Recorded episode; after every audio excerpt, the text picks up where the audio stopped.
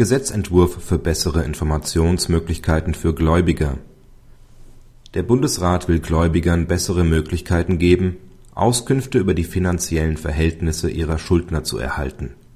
In einem Gesetzentwurf schlägt er Maßnahmen vor, um die zivilrechtliche Zwangsvollstreckung mit Hilfe von Informationstechnologie zu modernisieren, zu beschleunigen und zu effektivieren.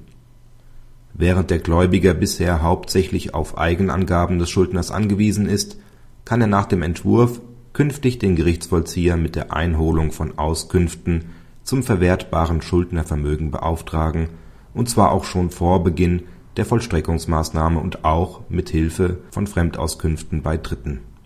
Dadurch können zukünftig erfolglose Vollstreckungsversuche vermieden werden. Der Gerichtsvollzieher nimmt eine eidesstattliche Versicherung des Schuldners als elektronisches Dokument auf und speist sie in landesweit vernetzte Datenbanken ein. Auf diese können dann drei Jahre lang zusätzlich bestimmte staatliche Stellen zugreifen.